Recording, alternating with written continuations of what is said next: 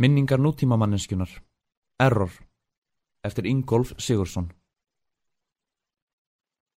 Nútímamanneskjan ég lifi tækni vattu lífi. Farsíminn ógsfarm úr handlegg mínum sem nýr líkamspartur á unglingsaldri. Vefsíðurnar sem ég get vafraðum eru með öllu ótakmarkaðar. Samskipta síðurnar og forritin spanna fleiri hundruð og ég kaupi mér spjaldtölvu til þess eins að gera flugferð ánægulegri.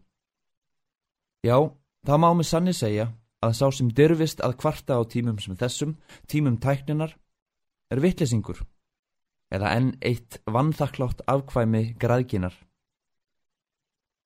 Ég lifi ótrúlega atbyrði.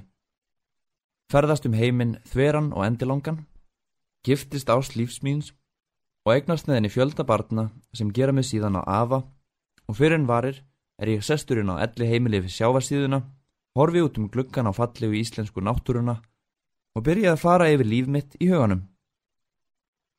Ég finn að minnið svíkur eilítið sem það hefur tekið upp á síðastlunar vekur og ég begi mig því undir rúm með kassa með minningum mínum í. Ég dusta reykið af honum, tek lokið af og sé mér til mikillar fyrðu að hann er tómur. Hvernig má það vera? Hvert fóru minningarna mínar? Ég tek upp síman og ringi í vini og vandamenn.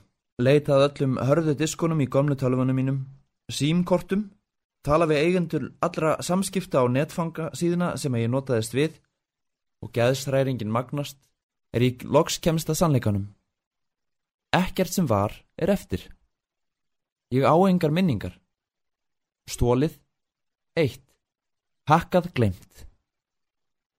Ég á ekki einu sinni framkallaða mynd af mér og eiginkonu minni á brúðköpstægin. Ó, hvað ég hefði gefið fyrir það eitt að hafa varðveitt minningar lífsmins. Handskrifað bref til vinnar míns í stað þess að eiga ópersonuleg samskipti í gegnum smáskilabóð farsíma.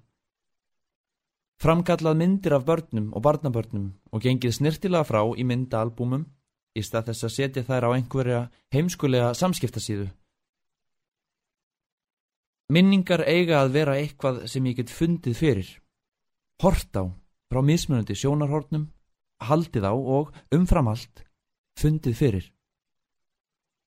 Í stað þess hugsa ég um að þarna varð kynnslóðminni allverulega á og tæknin sem varð of mikil, of hratt, vann gegn okkur með þeim afleðingum að eftirstendur eigða í minningu lífsins.